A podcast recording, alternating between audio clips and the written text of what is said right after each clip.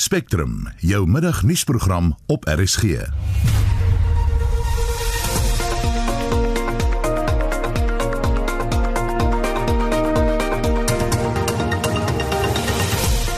En in die program reaksie op die bevindinge van die Digital Vibes verslag, Noomsa gaan voort met sy planne om volgende week te staak en die politieke party Al Jamaa sê hy's gereed om in die metrogebiede te lei.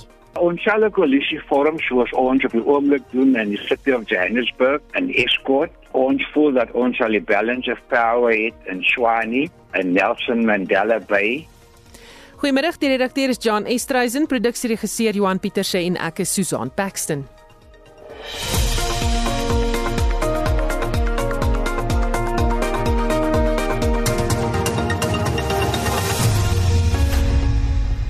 So bykans 4 minute oor 12 jy luister na Spectrum. Die ondersoek na die departement van gesondheid en digital digital vibes kontrak het bevind dat daar genoeg bewyse is om Dr Anwan Pillay, die voormalige waarnemende direkteur-generaal van die departement te vervolg vir korrupsie. Die presidentskap het die bevindinge van die spesiale ondersoekdirektoraat openbaar gemaak.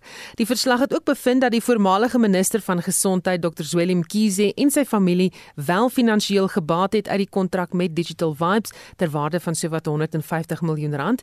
Die verslag het ook bevind dat die minister sy personeel onder druk geplaas het om wel die kontrak toe te ken aan Digital Vibes.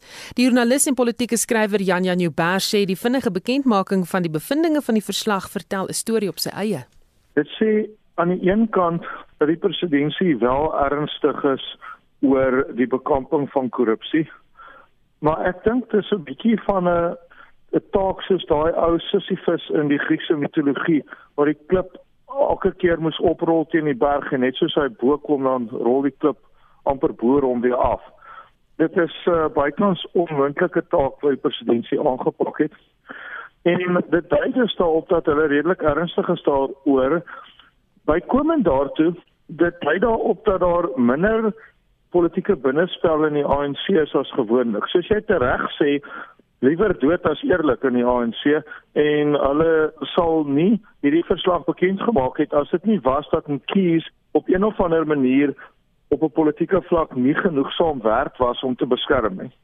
So dis maar moeilik om te lees. Jy weet, um die uh, Engelse spreekwoord sê no honor amongst thieves. So jy moet nie probeer dink dat um hier nou geweldige maklike verklaringe vir is nie. Dit is waarskynlik maar so dat aan die een kant die presidentskap wel ernstig is oor die uitroei van korrupsie, maar aan die ander kant dan ook dat polities gesproke 'n kies vir hulle weglaatbaar is. Die ander vraag wat 'n mens moet vra, die volgende groot toets vir meneer Ramaphosa binne die ANC, die kom um, met die beleidskonferensie wat geskeduleer is om volgende jaar in Junie plaas te vind. En Die vraag is, ons moet heeltyd ons oog hou op daai getalle.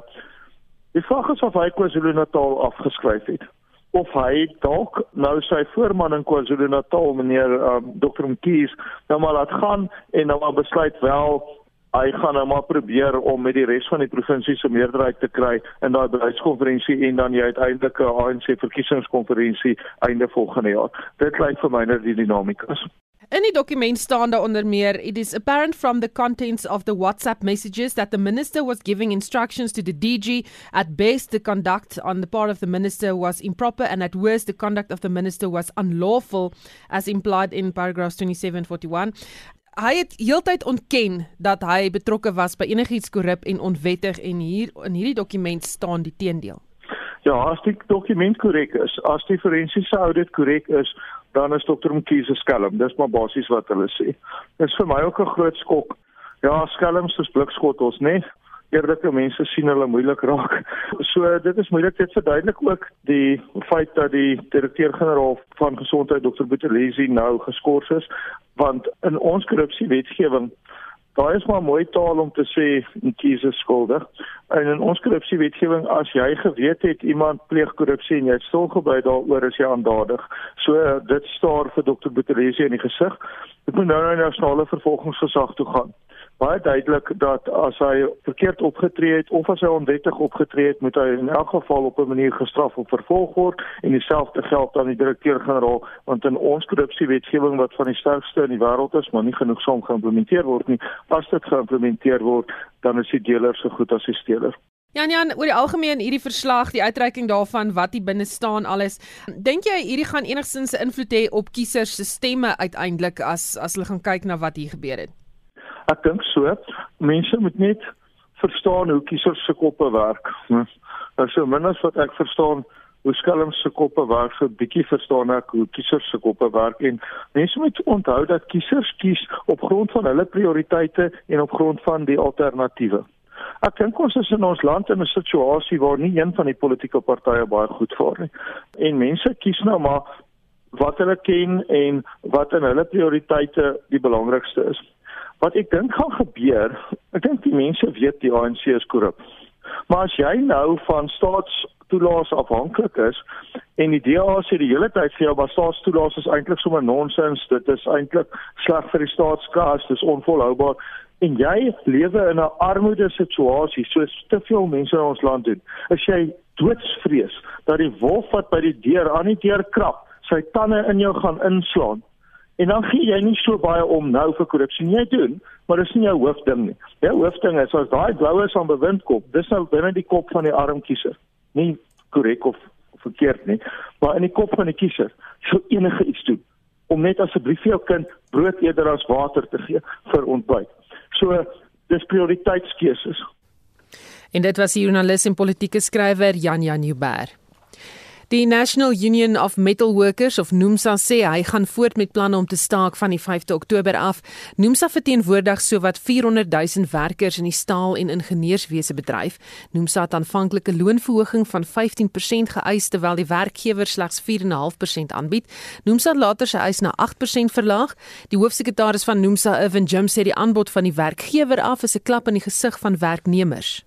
We regard it as an insult especially given the fact that workers in the engineering sector did not get an increase last year because of a standstill agreement.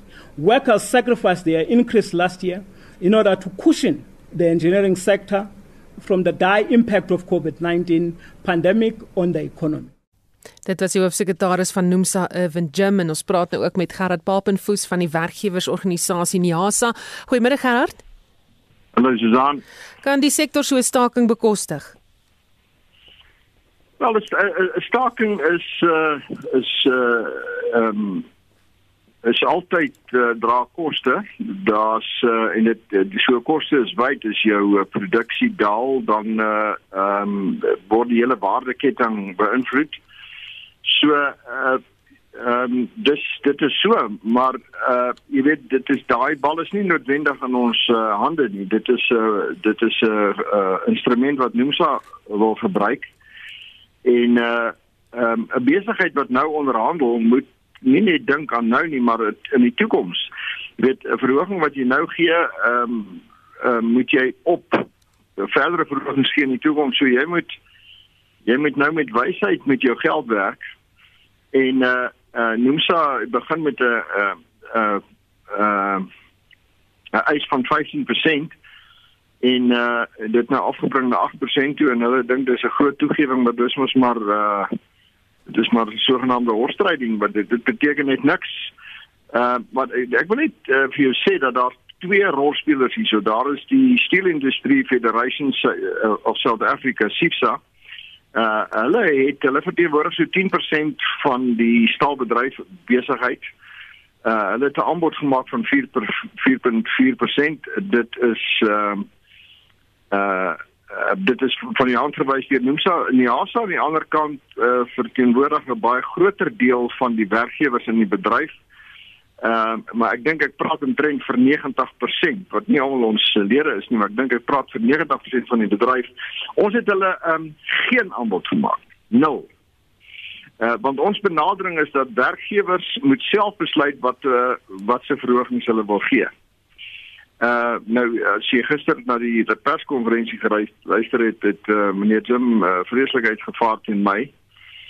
Uh, uh maar ehm um, uh, die feit van die saak is ons kan nie ons glo nie aan die model van sentrale bedinging waar jy in Johannesburg 'n loon bepaal en dan dit dan van toepassing maak om alle werkers in Suid-Afrika nie. Elke besigheid se uh omstandighede is uniek en word bepaal deur baie faktore. Jy kan nie 'n loon bepaal vir 'n maatskappy wat 1000 mense employeer in Johannesburg sit of in Durban of in Kaapstad en dit van toepassing maak op 'n klein plekkie wat in Kakamas is nie. Dis absoluut sinneloos. So ons sê elke besigheid moet sy eie besluit maak uh oor watter aanpassings hy maak. Dis 'n vrye markstelsel en enigiets wat jy doen buite dit uh uh, kos werksgeleenthede lei tot werkloosheid wat ons sien as gevolg onder andere van hierdie model.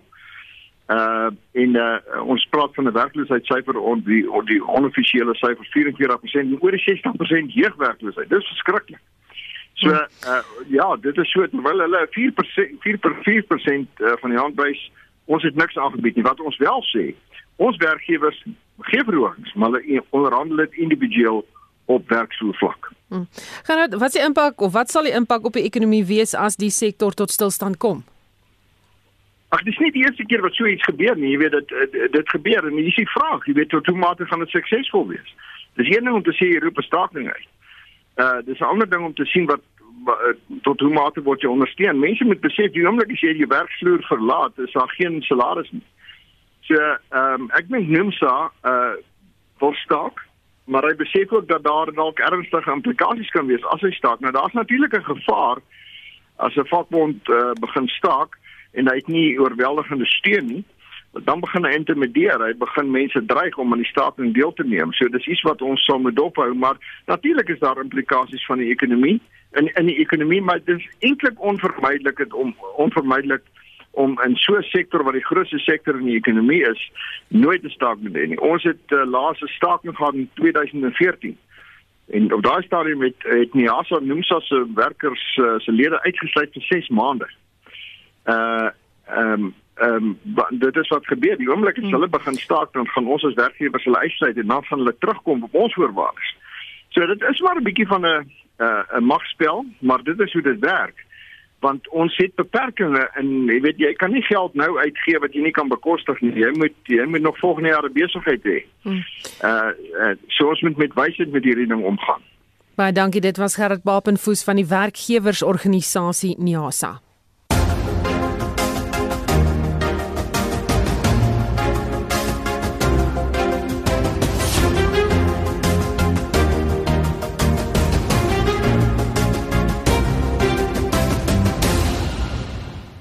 Snou kwart oor 12 die waardes van die politieke party Al Jamaa is geskwee op die beginsels van die Moslem geloof, maar hy sê daar is ruimte vir mense van ander gelowe en kulture. Annelien Moses het met die leier van die party en burgemeesterskandidaat vir die Kaapse Metro, Ganief Hendriks, gepraat. Op die oomblik het ons 1000 kandidate en omtrent 3 kwart is buite die geloof en ons het 12 persone wat raadslede is en drie van hulle is ook buite ons geloof en dat een van ons kandidate is 'n lid van die Anglikaanse kerk en hy is 'n leier in sy gebied. So ons is 'n party wat gebore is in 'n moskee, maar ons is 'n platform vir alle gemeenskappe. Ons het ook 'n ooreenkoms met die Nama huis van die Koi. Hulle is in Lavendale en hulle koning is uh, een van ons kandidaate. Hulle is baie gelowig en dit wys dat uh, ons party is vir alle gemeenskappe. Ons het gehad 'n deputy burgemeester in Escourt en hy was 'n lid van Al Jamaa en hy was 'n Zulu en hulle natuurlik hulle eie geloof. Ons het gedeelgeneem in die eerste verkiesing in 2011 gekry ons 13000 stemme maar die volgende verkiesing in 2015 te kry ons 40000 stemme en halfte van hy stemme het gekom van persone buite ons geloof. Wat is jou planne sou jy tot burgemeester van Kaapstad verkies word? Net soos die premier van die Weskaap sal ons nie die wegbreek van die Weskaap en Kaapstad uh, ondersteun nie. Daar is baie lede van die premier se party, senior lede wat dit wil doen en ons sal saam om staan om te sorg dat Kaapstad altyd deel sal wees uh, van Suid-Afrika. As burgemeester wil ek sorg dat partye soos die EFF en ander partye nie die wit mense in die see gooi nie. En daarom het ons sekere planne om toenadering te hê tussen die verskillende gemeenskappe en daarom sal ek sorg dat vroeëre wit gebiede moet mense van kleur verwelkom en bevolking 'n behuising aanmoedig informele handelaars moet aangemoedig word om ook in hierdie gebiede besigheid te maak. Die armes sal sodoende meer ekonomiese geleenthede hê. Hulle sal ook goeie behuising, goeie skole, goeie sportfasiliteite hê. As burgemeester van Kaapstad sal ek sorg dat daar nie waterbesproeiing is nie en geen onwettige elektriese koneksies is nie, want dit lei na lewensverliese. As burgemeester sal ek die regering nader om regering regeringsgrond te konfiskeer as sonnevergoeding en dan verder as burgemeester sal ek daardie grond gebruik om elke persoon wat haweloos is en wat 'n agterplaas bewoner is, 'n 100 square meter van grond kry, dan verder informele handelaars sal vrye lisensies kry, dan uh, waterbesoedeling en uh, 'n subiesbesoedeling van strate sal beëindig word en die stadsraad persone wat in beheer is ons sal hulle afdank of ons sal klagte lê teen hulle in terme van die NEMA Act dat hulle 10 jaar in die tronk moet sit en dat hulle 'n miljoen rand betaal as 'n boete want dit is nie toegelaat om um, byvoorbeeld sewerage in uh, riviere te pompie en in die see wat ons sloep doodmaak. Uh, hulle besoedel die riviere, hulle besoedel ons strate. Dit is nie reg dat 'n kind moet lewe in besoedelinge omstandighede nie. So uh, ek sal ook as burgemeester sal ek weier om alkohol ure te verleng van die uh, navorsing dwars deur die wêreld sê dat as jy alkohol ure verleng en dan veroorsaak dit meer hulle sê harm vir die uh, vir die bevolking. As alkohol beperk is hoe dit die hospitale help en uh, ook hoe dit uh, uh, minder uh, ongelukke en ons moet leef na die lesse. So ek dink die mense van Kaapstad Kaapstad maak die dronk uh, stad van die wêreld ek wil graag ook sê dat uh, al die probleme wat ons het in die stadsraad alsmaar is aanhoor ons wil graag die stad maak 'n smart city. En ek het saam met Koos Becker en Antoni Roo die internet begin in 2002 hulle my 'n uh, erkenning gegee daarvoor as 'n pionier van die internet. En ek wil daai kennis gebruik om die stad 'n smart city te maak vir die uh, wat hulle roep die fourth industrial revolution met internet of things met robotics met drones. En ek wil hê daar moet 'n drone wees in elke straat waar daar bende is. Sal aljama 'n koalisie vorm sou hulle nie 'n volstrekte meerderheid kry nie? Ja, ons sal 'n koalisie vorm soos ons op die oomblik doen in die city of Johannesburg en Escort. Ons voel dat ons al die balance of power het in Swani en Nelson Mandela Bay en ons voel dat as die ANC baie goed doen in die stad en daar is miskien 'n gaping van uh, 10 setels en ons het meer as 10 dan sal ons hy 10 setels gee vir die party wat my die burgemeester sal maak. Wat dink jy wat maak van jou 'n goeie kandidaat vir die burgemeesterspos? Ek was 7 jaar 'n lid van die stadsraad Ek is nou 2 jaar 'n lid van die parlement. Ek was 'n kindersoldaat in distrik 6 van die ouderdom van 9. Ek het die vrouens na die hawe geneem om hulle naasbestaandes te besoek na die Revonia trial en die Treason trial op kampus was hy steeds gerwe my sekretaris van ons koerant daar so Unibel ek het deelgeneem in al die strukture wat geveg het vir ons eh, bevryding. Ek was voorsitter van die Free Nelson Mandela campaign. So ek het 'n goeie trek rekord van gemeenskapdiens. En dit was Ganif Hendriks die leier van die Al Jamaa party en Annelien Moses het daardie onderhoud gevoer. Die polisie sê hy volg leidrade op in die moordondersoek van die ANC raadslid in die Tshwane Metro, Tsepo Motohung. Die 46-jarige is verlede Vrydag in Mabopane, noord van Pretoria, doodgeskiet. Motohung was op pad huis toe vanaf 'n ANC vergadering toe aanvallers op sy voertuig losgebrand het. Twee familielede was saam met hom in die voertuig en Esie de Klerk het meer besonderhede. Motaung is die 4de ANC raadslid wat sedert 2018 in die Tshwane Metro doodgeskiet is. Die polisie het nog niemand in hegtenis geneem nie. Volgens die polisie is die pa van 22 keer deur die aanvallers geskiet. Dit kan moontlik 'n sluipmoordaanval wees. Hy was by 'n ANC-vergadering waar die party se kandidaate vir die opkomende plaaslike verkiesing bespreek is. Die minister van polisie, Bekkie Cele, sê die verdagtes sal binnekort vasgetrek word. I'm satisfied that we have the names of the people we want, we have the faces of people we want it will be soon where everybody will be able to know why that happened. Gele en die premier van Gauteng, David Makura, het Mutahung se familie besoek. Ontstoke gemeenskapslede eis geregtigheid. Makura sê sommige ANC-raadslede word vermoor terwyl ander in vrees leef. I've received significant concerns that uh, it's not only our, the councillors who feel unsafe, but also people in communities feel very unsafe. They are threatened by these uh, criminal gangs, and that's what they really are. They are criminal gangs that are organized. They go and disrupt meetings, they target those they disagree with, uh, they get sent to carry out these killings. We would like the police to really really focus on bringing these perpetrators to book. Mutahung se ma, Mpu Mutahung, sê die verdagte sê die familie se broodwinner weggeneem.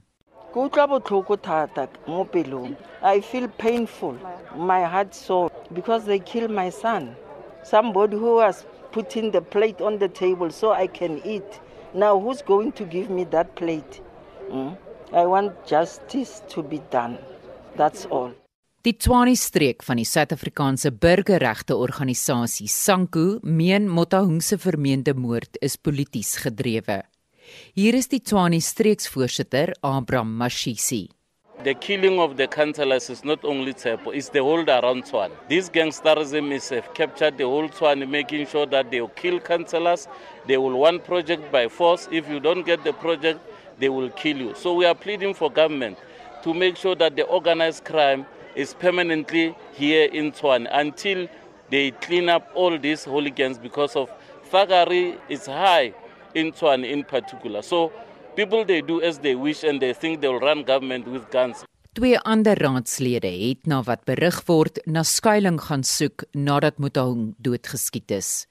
Hierdie verslag is saamgestel deur Vanawal Shuma en ek is Estie de Klerk vir SAK nuus.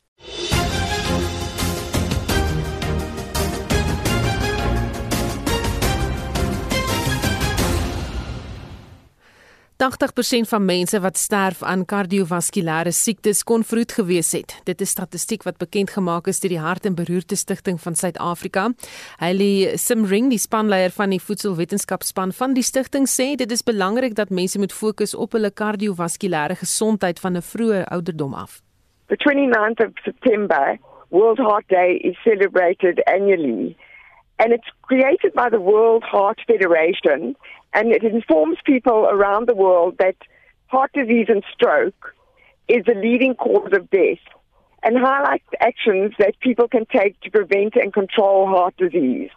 So it aims to drive action to educate people that by controlling risk factors, at least um, 80% of premature deaths from heart disease and stroke could be avoided. Hmm. So through this campaign, the World Heart Federation unites people from all countries and backgrounds in the fight against the cardiovascular disease burden and inspires and drives international action to encourage heart healthy living across the world. Simring sê die pandemie het weer klem gelê op die feit dat veral armer mense nie behoorlike hartgesondheidsorg ontvang nie. Yes, so each year the World Heart Federation focuses on a different theme and this year's theme is use heart to connect. And COVID 19 has highlighted an urgent need to find different and innovative ways to connect people to heart health, particularly in lower resourced areas and communities.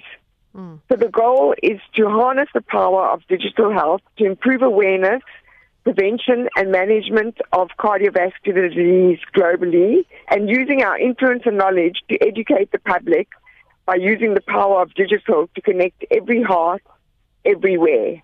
Simmering sê dis ook belangrik dat mense besef dat hulle 'n hoë risiko loop om baie siek te word van COVID-19 as hulle 'n onderliggende hartsiekte het. It hasn't taken away the focus. It's quite the opposite. And this is because people living with heart disease are more at risk of severe illness from COVID 19.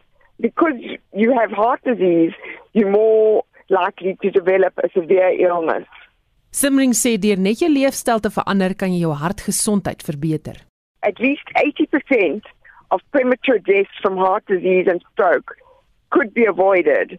And this is by changing your life choices and habits, such as eating a healthy diet, exercising regularly, and not smoking. En dit was Hailey Simmering, die spanleier van die voedselwetenskapspan van die Hart en Beroerte Stichting van Suid-Afrika. As jy meer inligting wil kry of met 'n gesondheidskenner wil praat, gaan na hulle webwerf www.heartfoundation.co.za.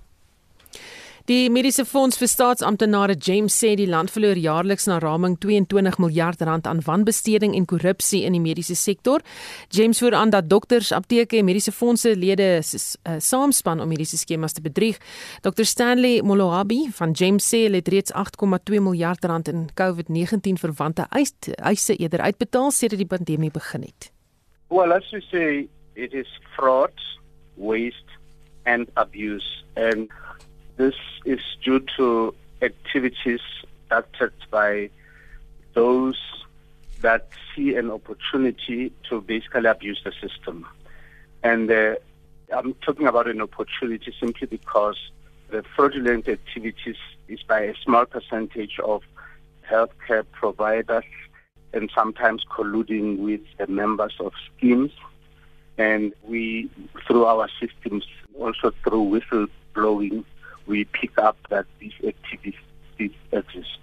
Moloabi sê dit is baie belangrik dat die onwettige geldkraantjies toegedraai moet word. I believe it will come down. There are uh, industry initiatives. So, for instance, at GEMS, we do have a claims risk management unit that deals with whatever whistleblowing reports we get. They also analyze the trends of the claims that we process and then there are uh, guidelines on which time. And also, I would imagine, you know, that the amount of attention we're giving this type of discussions, those who are committing fraud will be aware that uh, we are doing something about it, and this should have an impact. Molohabi sê dis egter baie moeilik om presies uit te vind wie betrokke is by die bedrog. Yeah, it is complex. And uh, what do I mean by that is that, for instance, if you are to accuse somebody of having committed something like fraud, you have to prove it. And uh, the persons who commit fraud, they don't just do it obviously. So there's a lot of resources that have to be spent on identifying, proving, and then taking the necessary steps. So definitely there is an, there's accountability in terms of our responsibility as a medical scheme to deal with this. However, you will know that also the people who are faced with these type of accusations, they are not just going to take it lying down. And that is why, you know, earlier in the year, the accusations were that the industry is still treating, and in this case, it was black professionals who were complaining, and that resulted in the Section 59 inquiry. It does show that when there is a problem like that, there's always two sides to a story and we need to be very sensitive and it is not an, a simple thing to do. En dit was Dr Stanley Moloabi van James.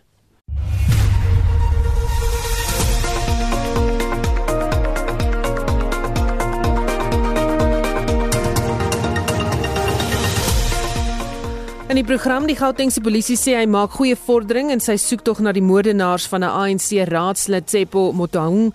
Die Pietermaritzburg groep vir ekonomiese geregtigheid en menswaardigheid sê die jongste voedselarmoedegrens van 600 van R624 per persoon is hopeloos te laag.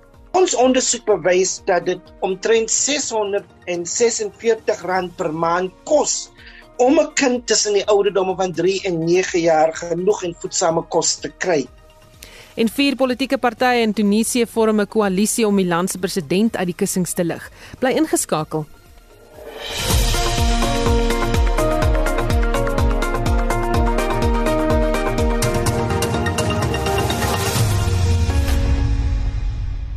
Die Pietermaritzburg groep vir ekonomiese geregtigheid en menswaardigheid waarsku dat die aankondiging van die jongste voedselarmoedegrens hopeloos te laag is. Die bedrag word jaarliks deur Statistiek Suid-Afrika bekend gestel en dui op die minimumbedrag wat nodig is vir een mens om elke maand voedsame kos te kan koop. Die programkoördineerder van die groep, Mervin Abrams, het aan Marlenae Forsie gesê die bedrag van R624 per persoon is onrealisties. Ons moet bekommerd wees hieroor want as ons kyk byvoorbeeld na die werkloosheidssyfer staan op 44% en dit beteken dat elke werker omtrent 4 persone moet onderhou. Die minimumloone staan op R3643 per maand. En as ons nou elektrisiteit aftrek en ons trek af nou vervoer, dan bly daar iets soos R1652 oor Nou van daardie geld moet hulle nou kos koop, maar as jy dit verdeel tussen 4 persone, dan kom jy uit met R384 per persoon per maand. Nou dit is omtrent die helfte van waar ons voedselarmoedegrense staan. Vanselfsprekend eet mense in so 'n huishouding maar die helfte van die kos wat hulle nodig het, wat beteken dat hul produktiwiteit by die werk of in die skoolbanke laag is. Een van die grootste uitdagings in veral gesinne soos die is dat die maatskaplike toelaas nie aangepas word by dit wat in die ekonomie aangaan nie. As ons kyk na die kindertoelaas byvoorbeeld, die kindertoelaas staan op 460. Dit word elke jaar natuurlik 'n bietjie opgeskuif. So oor die laaste jaar was die stygings nou R10 450 tot 460 of dit was 'n 2.2% stygings. Kosinflasie natuurlik staan op 6.7% soos die Statistiek Suid-Afrika dit nou tot nou uitwerk. Natuurlik ons uitwerking is veel hoër. En dit beteken dat die familie kan nie genoegsame kos koop met daardie kindertoelaat nie. Ons ondersoek bewys dat dit omtrent R646 per maand kos om 'n kind tussen die ouderdomme van 3 en 9 jaar genoeg en voedsame kos te kry. Kinders in die huishoudings ly dus honger. Wat baie baie belangrik is, is dat hongersnood of nie genoegsame of voedsame voedsel vir die kinders het 'n uitwerking op hulle liggaamlike groei, dit het 'n uitwerking op hulle breingroei, dit het 'n uitwerking of hulle nou natuurlik sal kan baat by die investment wat ons onderhoud instel kind wat nie genoeg eet nie is natuurlik veel sieker as ander kinders en op ou end beteken dit dat die werkers van 15 of 20 jaar van nou af al klaar beskadig is en nie sal kan deelneem in ons ekonomie nie en natuurlik nie kan bydra tot ekonomiese groei nie. Die koste van 'n huishoudelike kosmandjie wat uit 44 noodsaaklike produkte bestaan, het tog in September landwyd met R21.64 gedaal. Dit nadat verhogings in Augustus aangeteken is weens die Julie onluste. Jaar op jaar is daar egter geen teken van 'n afwaartse tendens in die bekostigbaarheid van die betrokke produkte nie. Ons mandjie het eintlik gestyg met R361 of 9% vanaf September 2020 en September 21. So dit beteken dat die inflasie op kos veel hoër is as ander vorms van inflasie in Suid-Afrika en dit is regtig 'n groot probleem. Dit was Mervin Abrams, die Pietermaritzburg groep vir ekonomiese geregtigheid en menswaardigheid se programkoördineerder. Marlene Forsie is ikonies. Die regering se hernieude verbintenis tot die vermindering van koolstofdioksiedvrystellings word steeds uit verskillende oorde verwelkom.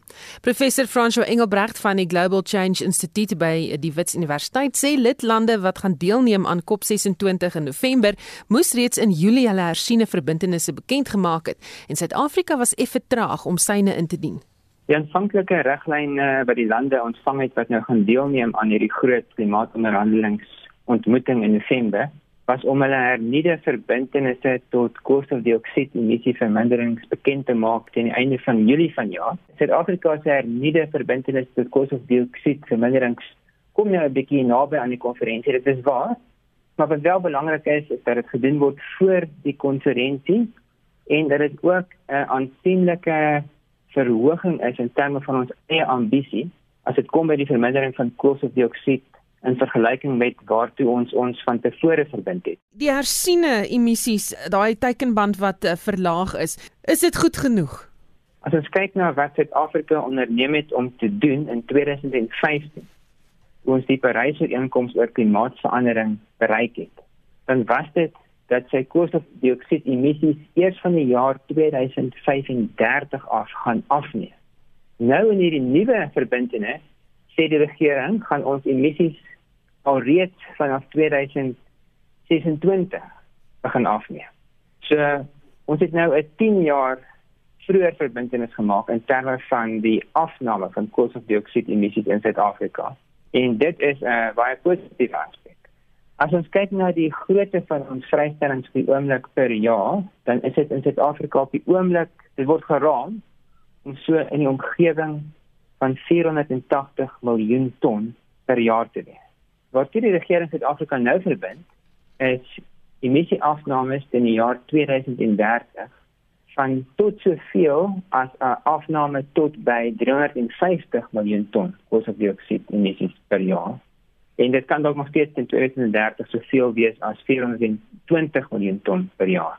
Nou as ons hierdie hoër drempelwaarde wat ons vir onsself stel kan bereik, naamlik 'n afname tot by 350 miljoen ton per jaar, dan beteken dit 'n afname van byna 30% in Suid-Afrika se koolstofdioksied emissies teen die jaar 2030.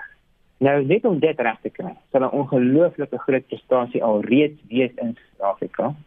Want ons weet natuurlik ons is oomblik totaal en al afhanklik van Eskom vir ons energie wat opgewek word deur steenkool, waar byna totaal en al. Ons het ander baie groot vrystellers van koolstofdioksied emissies in Suid-Afrika soos Sasol en ons is ook 'n land wat natuurlik baie aktief steenkool ontgin en uitvoer.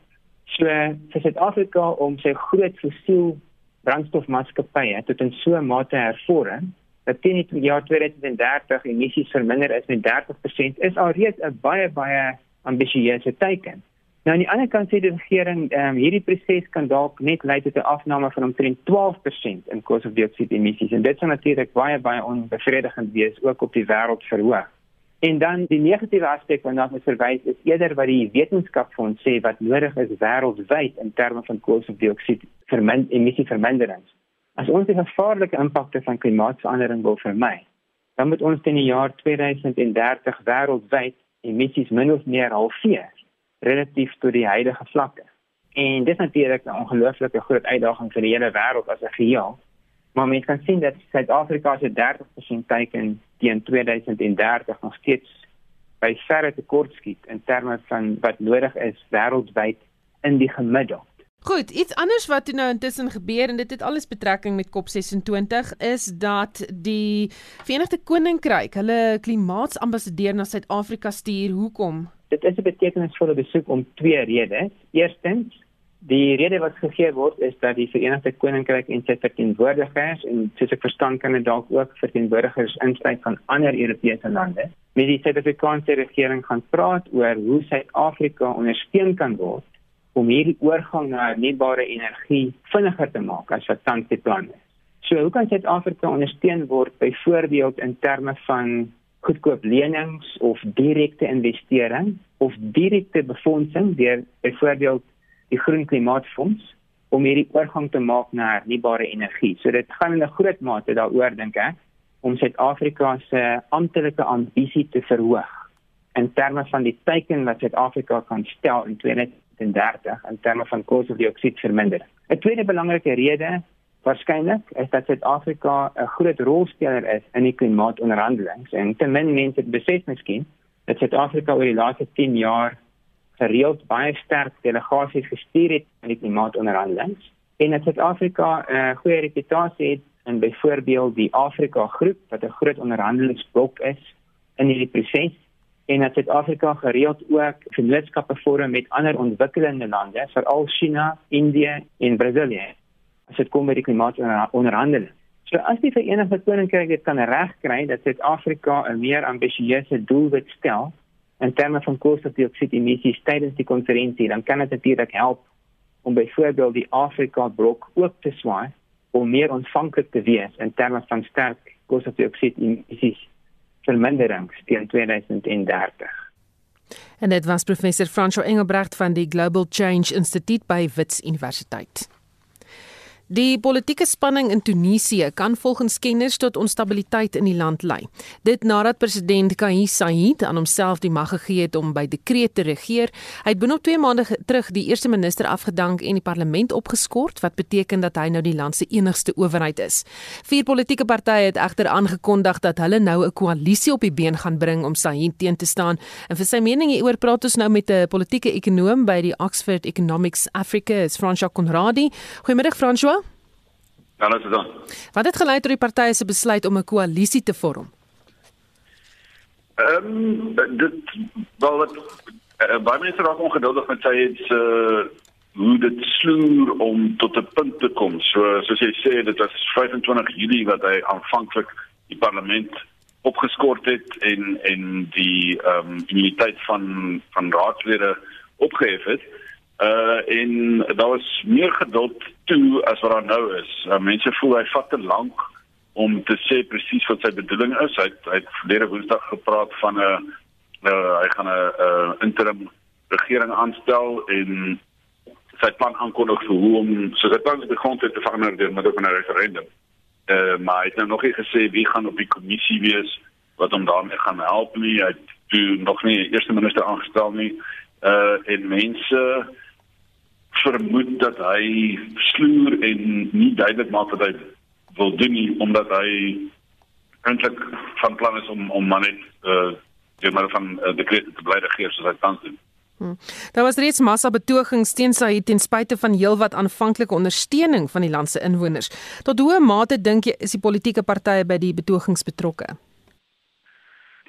Uh ja, ek dink die betogings is is nie so spontaan as wat ehm um, die hulle deelnemers gaga wat wat uh, voorgee nie. So uh, die grootste politieke party in die uh, parlement wat opgeskort is is uh, Ennahda, is 'n uh, islamiste beweging wat wat uh, gebore is uit die as die Muslim Broederskap. Ehm um, so hulle in die verkiesings in 2019 die grootste getal stemme gekry in die ehm um, parlementsverkiesing, maar nie 'n meerderheid nie.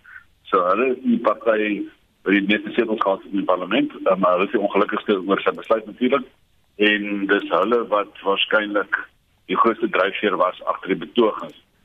Ehm um, maar daar is ook meer liberale partye wat nou ook ehm um, begin geleide maak het dat weet sy het nou duidelik maak wat sy plan is en dat hy nie sonder enige uh wetgewende owerheid hoegenaamd kan kan bly werk. Ehm um, sou so 'n koalisie genoeg wees om Said uit die kussings te lig of het hy nou te veel politieke mag?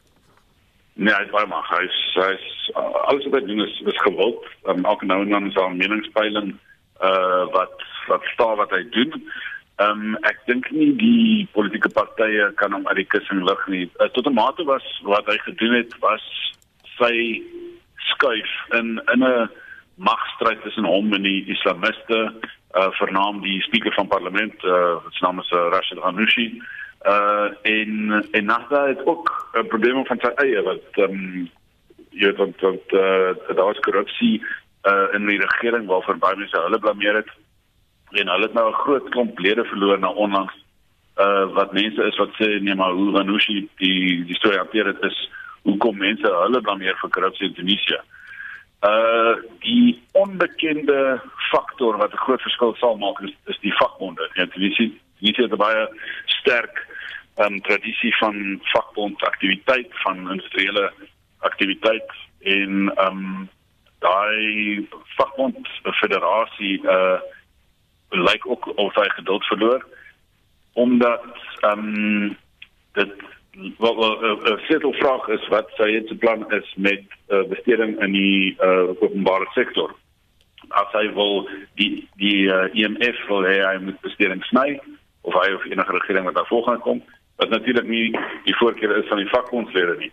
So dit is iets wat as jy vakbonde om meer verhandig raak teenoor die president, dan gaan dinge beweeg, maar tot nou toe, lyk dit nie of die politieke partye eintlik meer kan doen as om 'n paar mense in die straat te bring. Die, die betogings, ek sê nie massa betogings dan nie. Dit is so so 'n paar honderd mense wat nou nie regte straat en straat kom mense nie hoor.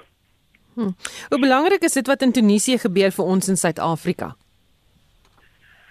Ehm um, ek nee, ek weet nie hoe belangrik dit is nie. Dit is uh nee, ek dink daar's ander lande waar waar die politieke bewegings meer relevant is tot tot uh, ons die politiek ervaar. Uh ek dink Tunesië omdat dit die die enigste demokrasie is wat eintlik ehm um, sy oorsprong gehad het in die in die ehm um, revolusies van 2011 uh die Arabiese lente soos jy genoem het. Ehm um, is iets wat mense hoop dit bly uh, dit kan die die ehm um, lot van Egipte vermy, jy weet wat wat nou weer 'n uh, autokrasie geword het. Maar um, die demokrasie in Tunesië het, het gesukkel. Daar was baie korrupsie, daar was baie groot gebrek aan ehm um, besliste besluitneming en dis hoekom mense eintlik gelukkig is met wat sê dis ons om te doen. Baie dankie. Dit was Fransja Konradie, politieke ekonom by Oxford Economics Africa. Die saak nuus word aangebied deur Robert Cameron, 'n portefeuljebestuurder by Fisher Dugmore Sekuriteite. Goeiemiddag Robert. Goeiemôre Susan, goeiemôre luisteraars. Ons plaaslike mark herstel vandag na die val van gister en ons sien die algehele indeks is op met so 0,6% oftewel 350 punte en hy staan op 64150 punte. Dan die top 40 indeks ook beter met 0,6%, die Hulbron indeks eh, beter met 'n halwe persent, die nywerheidsindeks sterker met so 0,75% en dan die finansiële indeks is op met so 0,85%. Ons kyk na enkele aandele, Sasol sterker met 2,2%, is op R283. Eh, Interessant, hierdie aandeel het 27% eh, geklim oor die laaste 6 sessies. Uh Naspers het sy herstel voort, hy's op met so 1,5% op R2549. Absa op met 1,9% onder R49.90. Bitcoin sterker met 2% R317.30 dan uh, Exaro en uh, African Rainbow Minerals uh, beide af met uh, omtrent 11 en 10% maar beide van hulle is dan ekstra dividend vandag van omtrent 10% van hulle aandeleprys. Wisselkoerse die rand uh, redelik bestendig R15.05 teenoor die Amerikaanse dollar R17.56 teenoor die euro en 'n Britse pond kos jou tans R20.34 Kommoditeite, die goudprys 1745 dollar per fyn ons, platinum 972 dollar en dan die Brentolieprys ver, verloor so 0,7%, is op 78 dollar 50 per vatjie. Net internasionaal sien ons oornag hierdie Dow Jones so 1,5% verloor en dis dan basies uh, oor vrese van uh, inflasie en dan die groot Europese markte vandag is uh, uh, agter sterker vandag. Die FTSE 100 in Londen op met so 0,9%, die DAX in Frankfurt verbeter 1% en die CAC 40 in Parys uh sterker met 1,2%. Dan laastens die S&P termynmark versterk so 0,75% en dit dui dan uh op 'n beter opening uit Amerika later vanmiddag. Baie dankie, dis die een van vandag se saaknuus. En dit was Robert Cameron, 'n portefeuljebestuurder by Fisher Dugmore Sekuriteite.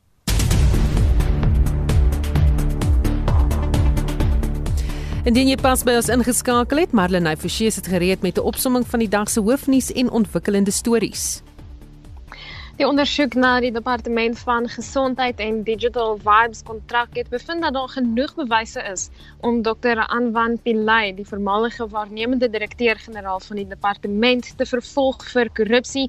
Verslag het ook bevind dat die voormalige minister van gesondheid, Dr. Zweli Mkhize, en sy familie wel finansiëel gebaat het aan die 150 miljoen rand se kontrak, die joernalis en politieke skrywer Jan Jan Joubert. Dit lei daarop dat daar minder politieke binnespel in die ANC is as gewoonlik. Soos jy tereg sê, liewer dood as eerlik in die ANC en hulle sal nie hierdie verslag bekend gemaak het as dit nie was dat 'n kies op een of ander manier op politieke vlak nie genoegsaam werd was om te beskerm nie. Die kwessie word verder gevat in Monitor môreoggend. Noemsa sê intussen hy gaan voort met planne om te staak van die 5de Oktober af. Die vakbond het aanvanklik 'n loonverhoging van 15% geëis terwyl die werkgewer slegs 4.5% aanbied. Gerard Papenfoos van die werkgewersorganisasie NIASA sê elke staking het sy prys. Dis een ding om te sê jy roep 'n staking uit. Dis 'n ander ding om te sien tot hoe mate word jy ondersteun. Mense moet besef die oomblik as jy jou werksvloer verlaat, is daar geen salaris nie. Ek dink NUMSA besef ook dat daar dalk ernstige implikasies kan wees as hy staak. Nou daar's natuurlik 'n gevaar as 'n vakbond begin staak en hy het nie oorweldigende steun nie, dan begin hy intimideer. So dis iets wat ons sal moet dophou, maar natuurlik is daar implikasies van die ekonomie. En in Bloemfontein het die Universiteit van die Vrystaat se rektor, professor Francis Petersen, die media kort vir Spectrum toegespreek na die moord op twee studente verlede week. Hy het hom toegespits op misdaad en geweld waarteen studente en die land se universiteite te staan kom, veral wat verblyf van kampusse af betref. So we collaborate with the police. We have accredited private accommodation, but also accredited private security companies that assist us to be able to provide more oversight. We have community safety forums. Members of the communities that are witnessing these crimes come forward and report them. We can't only expect the police to resolve that. En die Suid-Afrikaanse Bankrisiko-inligtingseentrum se jongste verslag toon 'n algemene toename in voorvalle van bankmisdaad tussen 2019 en 2020. Van die bevindinge sluit in dat digitale bedrog met 33% gestyg en debietkaartbedrog met 22% gestyg het, terwyl kredietkaartbedrog met 7% gedaal het en aanvalle by OTM's ook met 9% gedaal het. Baie dankie, dit was ons verslaggewer Marlenae Forsie.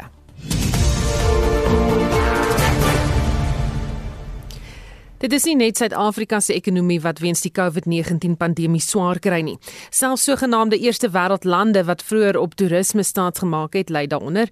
Estland is een van die lande en Anne Maria se van Vieren net meer. Die president van Estland, Kersti Kaljulaid, het aan die Verenigde Nasies se nasionale vergadering erken dat die COVID-19 pandemie haar land, nes vele ander, swaar getref het. Even the most developed countries are not exempt. The statistics which concern women's participation in the workforce or their proportion among the unemployed, the number of children deprived of school meals, this is the silent testimony the dark shadow of this pandemic. The shadow pandemic of starvation, lack of access to education or medical care is going to continue, at least until we manage to vaccinate the global population. And then it will take more time still to turn the negative trends around again. Estlandse burger, Sophie Urviste, stem saam Sy sê al het die land in Augustus begin om selfs kinders in te ent, het al ekonomie nog nie sy kop opgelig nie.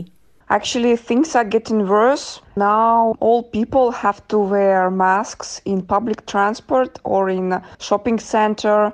The schools are partially closed. So, a lot of education is done by uh, home study methods, which is not very good evidently. Well, I would say things are getting worse, and uh, I don't know. Uh, we're not able to travel. I have a sister, she lives in Latvia, it's a neighbor country, and I cannot go there. I mean, I can go, but I need to keep two week quarantine, which is not very best decision because I have to go to work. Estland se ekonomiese probleme is legio. Volgens Oorwieste raak die pandemie veral die toerismebedryf waar sy werksaam is. Volgens haar is die strate van die grootste toeriste aantreklikheid in die hoofstad Tallinn nou leeg.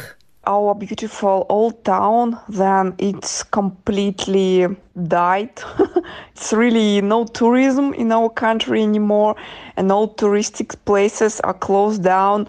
A lot of restaurants with long history are closed down, and yeah, it's very impacting our economy. And our economy depends a lot on the tourism, and tourism depends on the COVID. And yes, a lot of people lost their jobs, and well, I don't know what we have to do. We can only pray and wear masks and hope that one day the numbers will start to getting smaller and one day our life will be back to normal. Dit was Sophie Urviste, 'n Estlandse burger. Ek is Anne Marie Jansen van Vuren vir SAK nuus. In 360 net hierna kuier die span by die Stia Stein in Mostersdrift. Hulle kuier ook op Voorriesburg en kyk na fietsrakke op voertuie en wat jou versekerings vereistes is. So bly ingeskakel daarvoor is nou net na Spectrum. Ons groet namens soos wat voerende regisseur is Nicoline de Wee, die redakteur John Estreisen en produksieregisseur Johan Pietersen. Ek is Susan Paxton. Geniet jou middag.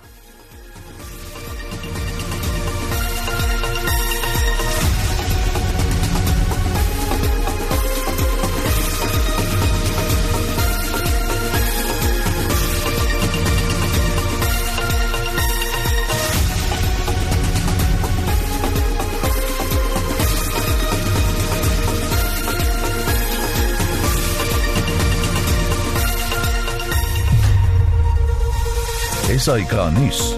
Onafhanklik, onpartydig.